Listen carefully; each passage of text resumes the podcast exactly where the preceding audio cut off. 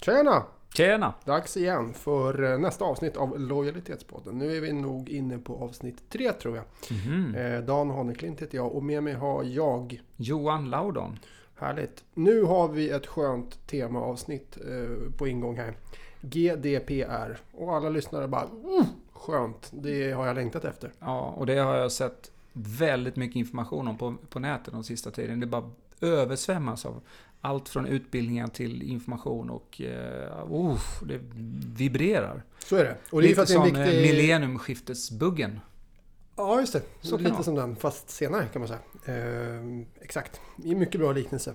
Nu är ju det här viktigt för oss som jobbar med kunddata på olika sätt. Eh, det är viktigt för alla företag egentligen. Ehm, GDPR, General Data Protection Regulation, som ju då är ett eh, EU-påhitt och som börjar gälla från och med eh, I maj. maj 2018. Ja. Och alla företag runt om i eh, hela Europa håller på att förbereda sig på detta just nu. Och så också vi. Mhm. Mm. Absolut. Och för oss som håller på med undersökningar så är det här ju superviktigt eftersom vi då är ju personuppgiftsbiträden åt alla våra kunder. Så vi hanterar väldigt mycket kunddata. Så vi eh, tycker det här är viktigt och vi försöker ligga såklart i framkanten vad det gäller det här. Så att det är därför som vi har avsatt ett helt avsnitt till just GDPR och då har vi eh, en gäst. Ja, eftersom vi själva inte kan något om det här. Jo, det kan vi ju. Men vi tar, vi tar hjälp av de bästa, så Ja, som man ska göra. Och därför har vi bjudit hit eh, Axel Tandberg. Ja, härligt. Och han, eh, han vet det mesta. Så det ska bli spännande att få känna honom lite mer på pulsen. Men du Dan, eh, vad vet du om GDPR? Det är ju... Tidigare så var ju Tyskland delat. I DDR nej, nej och... nu blandar nu. Det har ingenting med politik att göra. Okej. Jag fick för mig att han hängde ihop med DDR. Men det är alltså... Nej, så illa är det inte. Nej. Så illa är det inte. Nej, nej, nej. Okej. nej, nej. Då tycker jag att det är dags att sluta jiddra och köra igång. Vi har ju en gäst som väntar på oss här, så att vi kör va? All right. Härligt.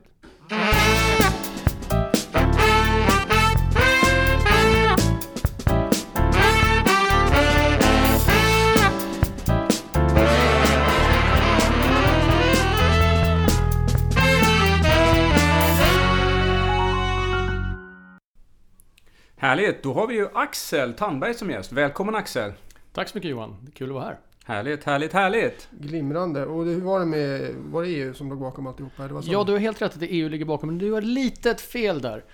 GDPR har redan trätt i kraft, men den kommer Va? att få full effekt den 25 maj 2018, för det är då den kommer att ersätta PUL och vi måste följa denna fantastiska EU-lagstiftning som är det bästa som har hänt för oss jurister sen, jag vet inte när. när. Ja, härligt. Nu ska vi få tillsammans med alla våra lyssnare få eh, örnkoll på vad det här handlar om. Men hörru Axel, berätta lite först om dig själv. Vem är du? Eh, jo, jag är ju då jurist som ni har förstått och jag har ju hållit på med personuppgiftsfrågor nu i 17 år. Jag började Oj. jobba med det här år, redan år 2000 nere i Bryssel för en organisation som heter Fedma. Det vill säga direktmarknadsföringsbranschens intresseorganisation där nere. Ja. Och alla ni som vet och jobbat med direktmarknadsföring vet ju att personuppgifter är det viktigaste av allt för att kunna kontakta någon. Just det. Sen flyttade familjen och jag till Sverige 2005 och då började jag jobba som förbundsjurist på Svedma. Men sedan 2013 är jag min egen Oj då. Och driver min egen lilla verksamhet. Då. Den, får du göra, den får du göra reklam för. Vad heter Ja, den? den heter ju Tandberg Partners och Oh. det är en trevlig liten byrå där det består av mig och mina löss som jag brukar säga. Men Ja. Än så länge. än så länge, ja. Men det kanske blir lite med ändringar där för det händer ju saker och ting här. Ja, perfekt. Men det som är intressant med det här att jobba med de här frågorna det är ju att jag har ju gått under de här 17 åren. För under 15 år så var jag Mr Irrelevant och senaste två åren har jag varit Mr Relevant. Du är uppe i smöret kan man säga. Ja, kan man ju säga.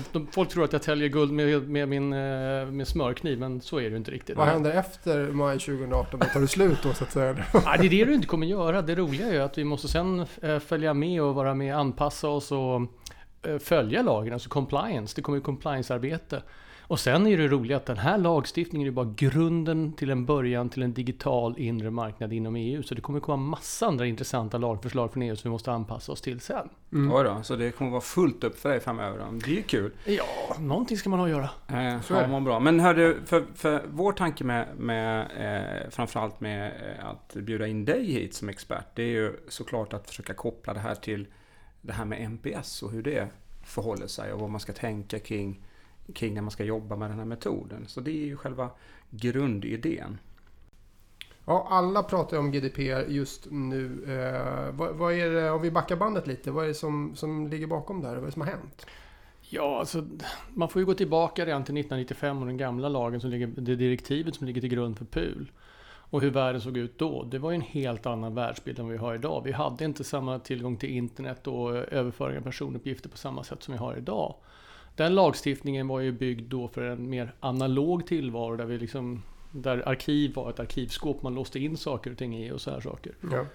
Eh, Men det har ju skett utvecklingar på vägen och redan när jag var i Bryssel och jobbade 2000 till 2005 med de här frågorna så diskuterade vi att vi borde uppgradera eller uppdatera åtminstone direktivet. Men kommissionen sa att det vågar vi inte för det får man öppna Pandoras ask. Mm. Och till slut så var man ju tvungen att öppna Pandoras ask. Och redan 2010 började kommissionen skicka upp spärrballonger om att ja, det här är någonting på gång och så här. Sen kom ju lagförslaget 2012. Mm. Och det är ett försök då att digitalisera den här analoga lagen. Ja. Istället för att ta ett helt nytt grepp så tog man den gamla lagen och så gjorde vi en digital version av den. Vilket gör att den har väldigt mycket i sig som är lite konstigt och som är svårt att kunna uppfylla den digitala världen. Mm. Men samtidigt är ett försök då att man ska anpassa sig till den, den verklighet som finns omkring oss idag. Eh, sen var det roligast av allt, man utgick ju ifrån då vad man tyckte var den bästa lagen i hela Europa och det var den tyska. Mm. Om man då jämför med vår så är det helt annorlunda. Vi har helt andra syn på vad, hur man behandlar personuppgifter. Ja. Och där kommer lite grann också till eh, vad syftet är. Det är ju faktiskt att individerna vars personuppgifter behandlas ska få bättre kontroll över hur vi använder dem. För det är en sak som också hände under den här tiden. Företag och andra saker har tagit personuppgifter från individer och börjat använda dem på andra sätt och på inte informerat rätt. Och vi, vet ju själva att ja, men det, jag vill ha den här tjänsten, då kan ni göra vad ni vill. Och så gör faktiskt företagen vad du vill. Och du har ingen kontroll över vad som händer med dina personuppgifter. Nej. Med din digitala profil kan man säga. Och det här är någonting som då EU har försökt att skapa tillbaka. Mm. Och så har vi då Snowden-effekten när han fick, när vi fick reda på att, hela, att eh, medlemsstaterna, eller ja, regeringar kan kontrollera oss Mm, i den vägen. Då mm. blev ju folk mer rädda. Ja. Så att det här, allt det här är byggt på ett behov av att individer måste få bättre kontroll själv över uppgifterna som rör mig. Mm. Och kommer vi få det då? Ja, förhoppningsvis är ju det. Det är vad vi kommer att få. Vi måste få bättre information från företag och organisationer som vill behandla personuppgifter. Mm. Och gör vi inte det, det är därför man har fått in de här fina sanktionsavgifterna på upp till 4% av den globala omsättningen av Just det. företaget. Ja, det är ju den vi eh, inte gillar. Ja, du behöver inte vara så orolig Johan, för att det så? jag tycker att ert företag har ju redan påbörjat arbetet. Det är bara företag som inte har påbörjat arbetet som kommer få 4% av den globala omsättningen i straffavgift direkt. Ja, det var ju skönt det. Jag hoppas vi slipper det överhuvudtaget. För vi har ju, vi har ju fått den bästa tänkbara hjälpen. Eller, Ja. hur- eller hur? Ja, det tycker jag också att det Vi har ju har fått. anlitat de här, vad heter de? Tandberg Partners. Tandberg Partners, ja, Ja, precis. vilka ja. nu det var. Ja. Bra. Men hör du, eh, eh, för att koppla ihop det med, med det här med eh, NPS då. Och de här olika typer av mätningar som man jobbar med. Dels det här relationsmätningen när man går ut till alla eh, som, man, har- som ett företag har haft kontakt med. Och eh, då ställer den här NPS-frågan, rekommendationsfrågan. Och eh, att man sen då kontaktar de som har svarat att man inte eh, eller har svarat lågt på skalan helt enkelt. Då måste man ju såklart informera på rätt sätt om det där. Ja, det är ju, det är ju grunden för hela GDPR, informationen från företaget. Samtidigt ska vi också komma ihåg att vi ska ju respektera de etiska reglerna som finns i den, här- i det branschen vi jobbar i. Och ser man då på etiska regler under undersökningsföretagen är ju egentligen grunden att jag ska vara anonym när jag är med i en undersökning. Och är det så att man vill frångå från det så måste man ju informera mig att nu kommer vi att kunna kontakta dig. Därför kommer vi ta och lägga in Mm. dina svar vid ditt namn. För att vi vill kunna kontakta dig. Och det var det väl som, som eh, jag menar det, det har man väl kanske alltid gjort men eh, en del har väl alltid gjort det att informerat men det är mycket, mm, det måste göras mycket tydligare nu. Ja, det finns ju krav på samtycke faktiskt. Och Ja. det är ju, samtycket är ju en handling. Själva begreppet samtycke ändras ju i GDPR från att bara vara ett informerat samtycke, som att säga att direkt att du skrev de allmänna villkoren. Mm. Nu måste du få en aktiv handling från mig som individ som visar att jag faktiskt har förstått eller läst, eller jag säger mig ha läst, eh, Ja. vad du har informerat mig om. Just det. Och eh, det är ju så att det roliga med GDPR det är att det krävs mycket mer information, att företagen ger information, men det också kräver information från mig, eh, det ställer krav på mig som individ att jag de facto tar del av informationen. Mm. För jag kan inte sen säga, om jag har kryssat i en ruta och säga ja men jag har förstått, då kan jag inte säga att jag inte har förstått. Nej. Mm. Nej. Så det är, det är lite gå fram och tillbaka. Mm. Men en annan sak som man också måste tänka på det är att man måste vara lyhörd mot sina kunder. De som är med i undersökningarna. För att om de inte förstår att jag har, ni har eh, vad ni vill säga. Mm.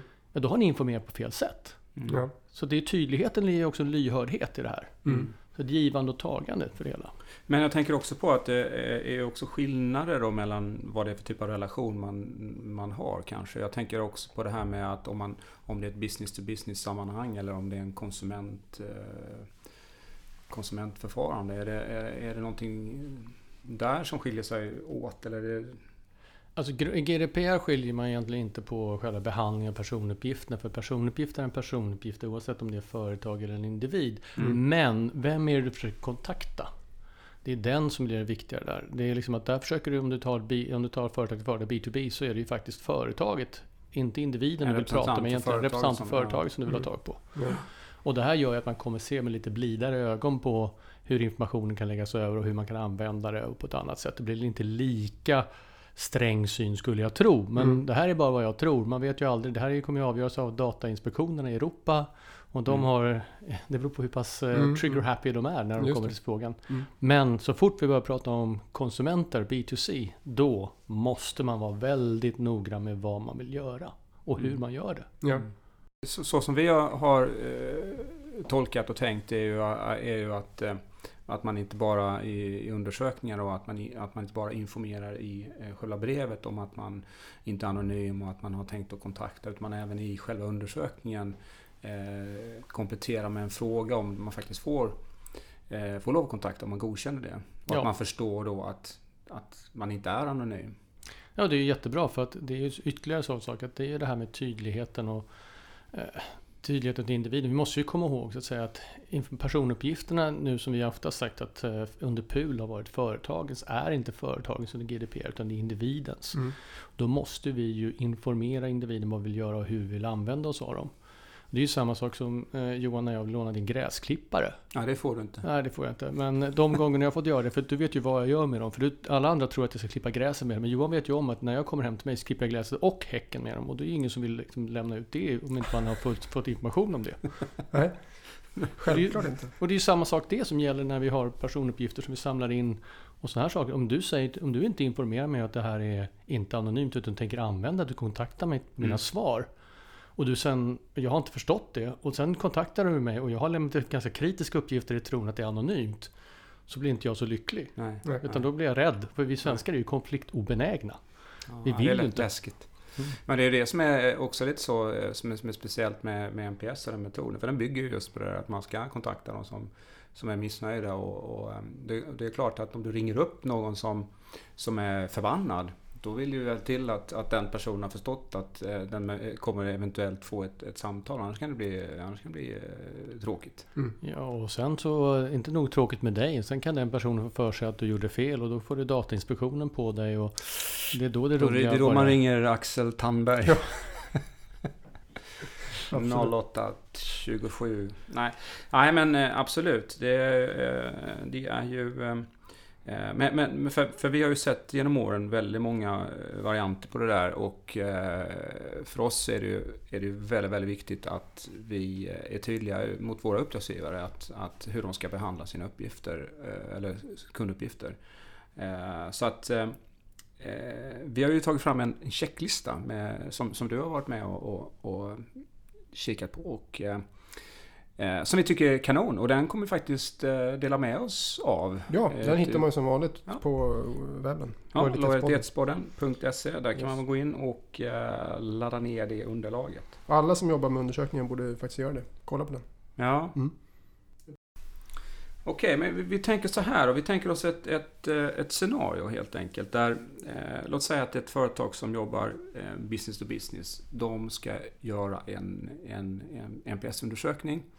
Och eh, de vill också, de ska ju an, såklart analysera resultatet och de ska jobba med, med det, men de vill också spara vissa, vissa nyckeltal viss information i sitt CRM så att alla i bolaget som har kontakt med den specifika kunden och kontakten kan se vad man har svarat. Och utifrån det eh, perspektivet, vad, vad, vad, vad är viktigt då att tänka på? Du måste också ange hur länge du lagrar uppgifterna och tänker användare av dem och då måste man ju i PUL så sa du att du fick spara så länge det är nödvändigt och i GDPR så ska du ange en tid. Mm. Och jag fick ju frågan förut hur, länge, hur långt det är nödvändigt. Då sa jag alltid hur långt är ett snöre som Mm. svar på det. Mm. Men eh, tiden som man anger där det är att man ska ange så att jag förstår så länge så jag kan förstå det. Om man tar snöre, snöreffekter, så hur många skos, om jag tar skosnören, hur långt skosnöre behöver jag för ett par skor med fyra hål i? Jo, kanske 40-6 cm. Då har jag fått en uppfattning. Mm. Och här kan man ju se, så länge jag har kundförhållande med företaget Ja, kommer jag behålla det här och återkomma till dig Mm. och ställa frågorna. Och det är ju en sån sak som du måste eh, informera mig om. Så det är en jätteviktig sak att få fram också. Just det. Och vad det gäller, vad det gäller där att, att eh, eh, spara eh, mer information, alltså så, ja, koppla information till CRM och så. Ja, så länge du har informerat mig om att du ska göra det så är det helt okej. Det är återigen det här informationskravet. Och du får göra det. Och det är viktigt att du gör det och du får fram information. Det är relevant för alla i företaget. Och det är jätteviktigt att man får fram sådana här saker. Svar på om någon är sur. Man kan berätta det och få fram det här på Mm. rätt sätt. Ja. Mm. Så det, det igen är viktigt. Och sen eh, tänker man ju också då att det är väldigt vanligt såklart att eh, många som gör eh, undersökningar av NPS, eh, de, de vänder sig till någon, eh, någon expert. Till exempel Marknadsdirektion Ja, kanske? precis. Men, eh, nej men skämt åsido, man, man tar hjälp helt enkelt och då är det någon annan som eh, hanterar kunddatan, kunduppgifterna. Och Mm. Vad behöver man tänka på då? Ja, det är otroligt viktigt att du som utlämnar uppgifterna har skrivit ett avtal med den som du lämnar ut uppgifterna till. Ett avtal som, där du säger vad den personen får göra med uppgifterna. Mm. Eller den företaget eller så att säga. Det är kanske personuppgiftsbiträdesavtal. Som de många har hört talas om, eller DPA på engelska. Eh, Och det här ger ju oss en möjlighet då som ett, för att behandla uppgifter på, för någon annans räkning. Jag då, som om jag vore konsulten eller jag den ska göra det. Då får jag ju bara göra det som min uppdragsgivare säger att jag ska göra. Mm. Jag får inte göra någonting mer. Jag får inte sälja dem vidare. Jag får inte ge bort dem. Jag får inte spara dem på ett felaktigt sätt eller något sånt där. Mm. För att då kan ju jag också råka ut för den här eh, sanktionsavgiften på upp till 4% av den globala omsättningen om det vill riktigt illa. Mm. Ja, det vill vi inte. Men, men, men sen kommer jag tänka på också det här att, att eh, många gånger när man, när man tar hjälp, eh, och det vet ju vi som är konsulter, vi har ju i vår tur eh, leverantörer som vars system som vi använder. Och liksom hur, hur förhåller man sig då till leverantören i de här frågorna? Ja, återigen så ska det vara ett, ett avtal mellan dig och leverantören i sånt fall som då inte går längre än vad du får göra från din uppdragsgivare. Utan Ja, de måste förhålla sig till samma regler som du gör. Mm. Och det står också att om du byter underleverantör så ska du meddela din eh, uppdragsgivare om att du byter leverantör. Mm. Mm. Mm. Oj, oj. Ja, det är mycket att tänka på och det är väl inte helt eh, konstigt varför vi har gjort den här eh, checklistan då, så att eh, man kan ha lite stöd i sitt, eh, i sitt, eh, i sitt arbete kring de här frågorna. All right. Men hörni, eh, vad, vad, är det dags för en flipp eller en flopp nu eller? Nu skulle det smaka gott med en flipp eller flopp tycker jag. Ja. Nu har väl, Axel har väl någon... Ah, vad är det? Vad, vad, vad kör vi? Kör vi en flipp eller kör vi en flopp? Vi har lite olika jinglar för det nämligen. Eh, jag tycker vi kör tyvärr en flopp här. En flopp igen. Ja, det är underbart. Men då kommer den här då. Bra.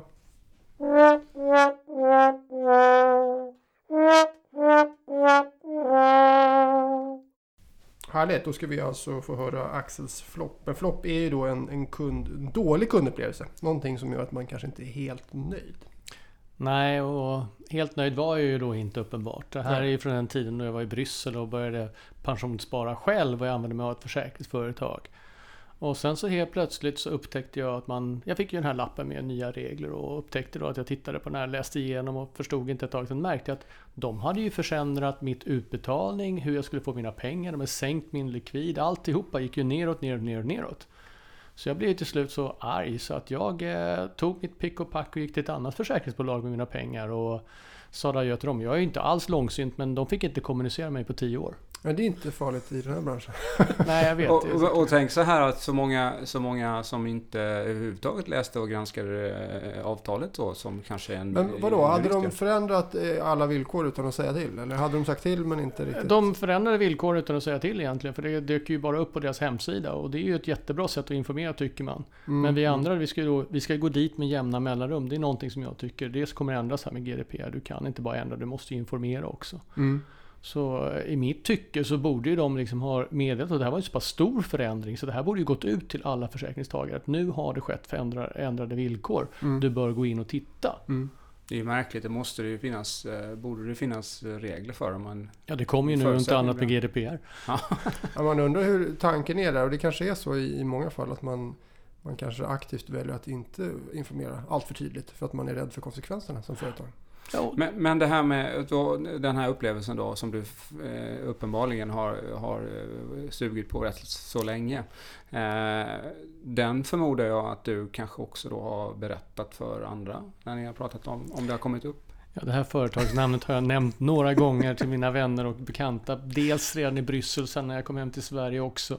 Så att, eh, jo tack, det har blivit nämnt. Men tio år senare så blev jag faktiskt eh, lite snäll. Tänkte jag, nej nu har det gått tio år så nu så Det är preskriberat tänkte du? Nej, jag hörde faktiskt av mig. De fick inte alltså kommunicera med mig. Jag, fick, jag hade hört av mig till dem. Ni får inte kommunicera med mig. Och sen efter tio år så sa jag, nu kan ni ta bort mig. Nu kan ni få börja kommunicera, skicka reklam eller marknadsundersökningar till mig. De fick inte överhuvudtaget höra av till mig. Fanns du kvar i kundregistret då när du kontaktade Eh, oss? Det vet jag inte, men jag är nog borttagen från den här. Jag har blivit kontaktad av dem i andra sammanhang efteråt. Jag har tagit bort min eh, spärr. Ja. ja.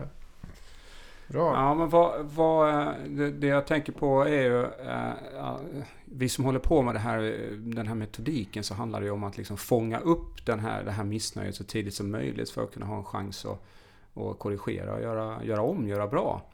Eh, men hade de kunnat lösa det för dig om du om, om liksom hade de kunnat ändra på utgången? Så att Rädda säga? situationen. Ja, Rädda absolut hade de kunnat rädda situationen om de hade hört av sig till mig eller på något annat sätt, eh, på ett tydligare sätt informerat mig. För det problemet med alla de här försäkringsvillkoren och alla de här villkorskontrakten vi får, du vet, det är ju långa sida upp och sida ner. Och istället bara för att ha typ eh, tre eller fyra eller fem bullet points, här, det här har vi ändrat, det här ska du läsa. Mm. Mm. Och det hade ju blivit mycket tydligare. Då hade jag ju faktiskt kanske till och med stannat kvar för att jag hade förstått vad, det, vad som gick ut på. Jag kanske vann på det långa loppet, men i och med att jag blev så förbannad från början så Mm. kände jag Att ju det. har- du känner som att man har försökt att, att dölja det? mig. och Ja, ja, absolut. Och Ja, hade man gjort en NPS-undersökning till mig så hade man kunnat prata med mig då direkt från början och hört av sig till kunder och säga varför blev... det När jag sa ju exit där, Ja. Mm. då fick de inte ens skicka en fråga till mig. Det var ju... det var ju Nej, nej, precis. Det blir ett Mm. superproblem. Men, men, och, och grejen är så här att eh, det skulle ju kunnat vara så att det har varit ett missförstånd. Att det fanns en, det fanns en förklaring, en, en, en, eh, en anledning till varför man har gjort som man har gjort. Och det, det hade de kanske kunnat rätta ut med dig då. Eh, om man hade fått den chansen. Absolut, det tror jag också. Det finns ju alltid en anledning till det varför. Jag vet också anledningen till varför de, de behövde mer pengar i företaget just då. Tror du det? Ofta en bra anledning. Ja. Ja, jag vet. ja, ja, det är grymt. Ja, det, är grymt. det, var, det var en, eh, det var en flopp det. Det var en flopp ja, från Axel. Ja. Nu har vi haft eh, tre avsnitt, två floppar och en flipp. Ja, får vi leta efter en flipp tror jag till nästa Ja. avsnitt så att det blir Ja. lite glatt. Ja, blir till, blir på, vi blir på gott humör. Eller du kanske har en snabb flipp, eller? Nej, men alltså jag tänkte att det, det här kan man ju faktiskt göra på ett enkelt sätt. Det är liksom att om man är tydlig från början för att skapa sig en ambassadör. För att skapa någonting som gör att du tycker om en, en, ett varumärke eller någonting. Då måste du ju vara tydlig i din kommunikation och vara tydlig med vad du vill göra. Och då får du ju med mig som person. Och du, i en ren och tydlig kommunikation som är lättförståelig för mig som individ så blir jag mycket mer glad och mer positiv inriktad till dig som företag. Mm. Eh, Det är lite basic. Eh, Förutsatt att eh, saker och ting görs på rätt sätt. Absolut. Snart är vi uppe i 25 minuter GDPR tror jag. Det är ju lysande. Eh, Så det börjar kanske bli dags att runda av. Mm. Ehm, Och om vi då ska bara sammanfatta eller lyfta upp tre viktiga saker att tänka på nu Axel. eh, När man sitter där med sitt eh, GDPR-arbete. Vad ska man tänka på?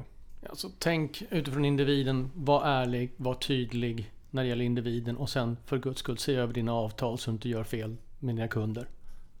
Ja, Mycket där bra. har du dem. Väldigt konkret. Bra. Shaboom. Kolla Och eh, som, som, som vanligt så eh, går ni in på lojalitetspodden.se och då kan ni eh, ta del av en eh, checklista och annan information gällande GDPR. Ja, och sen så har Axel tagit nya bilder på sig själv också med skägg. Har jag Oj. vet. Så att det finns fina kommer bilder på vara Axel. en också. skäggbild på, på webben. Ja, det Yes. blir ju lysande. Sen kan vi rösta om jag ska ha kvar eller inte efter jul och nyår. Jultomten har varit. Ja, ja, ja, man kan anlita dig som en eh, GDPR-tomte också. Ja, Perfekt. Ja, ja, Axel, underbart att ha dig här. Jättekul att du ställer upp och eh, eh, vi, vi ses snart igen. Tack. Och jag var väldigt populär på Halloween kan jag säga. Bästa skrämselpropagandan var ju GDPR-jurist. Du behöver inte klä ut dig. Nej, aldrig behövt Underbart. det. Ha det bra Axel. Ha det bra. Tack. Tack. Hej. Härligt. Hej då. Du har lyssnat på Lojalitetspodden avsnitt 3 om GDPR. Läs mer på lojalitetspodden.se